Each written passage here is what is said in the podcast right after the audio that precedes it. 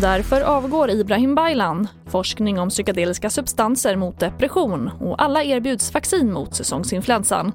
Ja, här är TV4-nyheterna som börjar med att näringsminister Ibrahim Baylan avgår och lämnar politiken. Det meddelade han i morse. Och han avgår officiellt vid partikongressen i november samtidigt som Löfven. Här hör vi Ibrahim Baylan om varför han avgår. Inför varje val har jag på sommaren funderat, ska jag kandidera en mandatperiod till eller ej? Och, den, och varenda gång har det blivit ja. Men den här gången, den här sommaren när jag funderade så konstaterade jag att vid 49 års ålder, jag har gjort det här väldigt länge. Längre än vad jag egentligen trodde från början. Då kanske det är dags att göra något annat. Men vad är det du ska göra istället då? Och jag ska först och främst fullfölja mitt uppdrag med kraft tills vi har en ny statsminister på plats och ett nytt lag. Därefter ska jag fundera ordentligt men eh, ja, och hitta något där jag kan bidra eh, till, till landet eller för den delen fortsätta jobba för det är ju så vanligt. Och mer kring Bailans besked om avgång kan du se på tv4.se.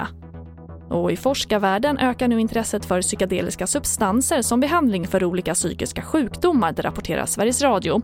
På flera universitet i USA och Storbritannien har de studerat sådana preparat mot depressioner och posttraumatisk stress. Ofta handlar det om det narkotikaklassade ämnet psilocybin som har liknande effekter som LSD med annorlunda verklighetsuppfattning och hallucinationer, men som inte sitter i lika länge.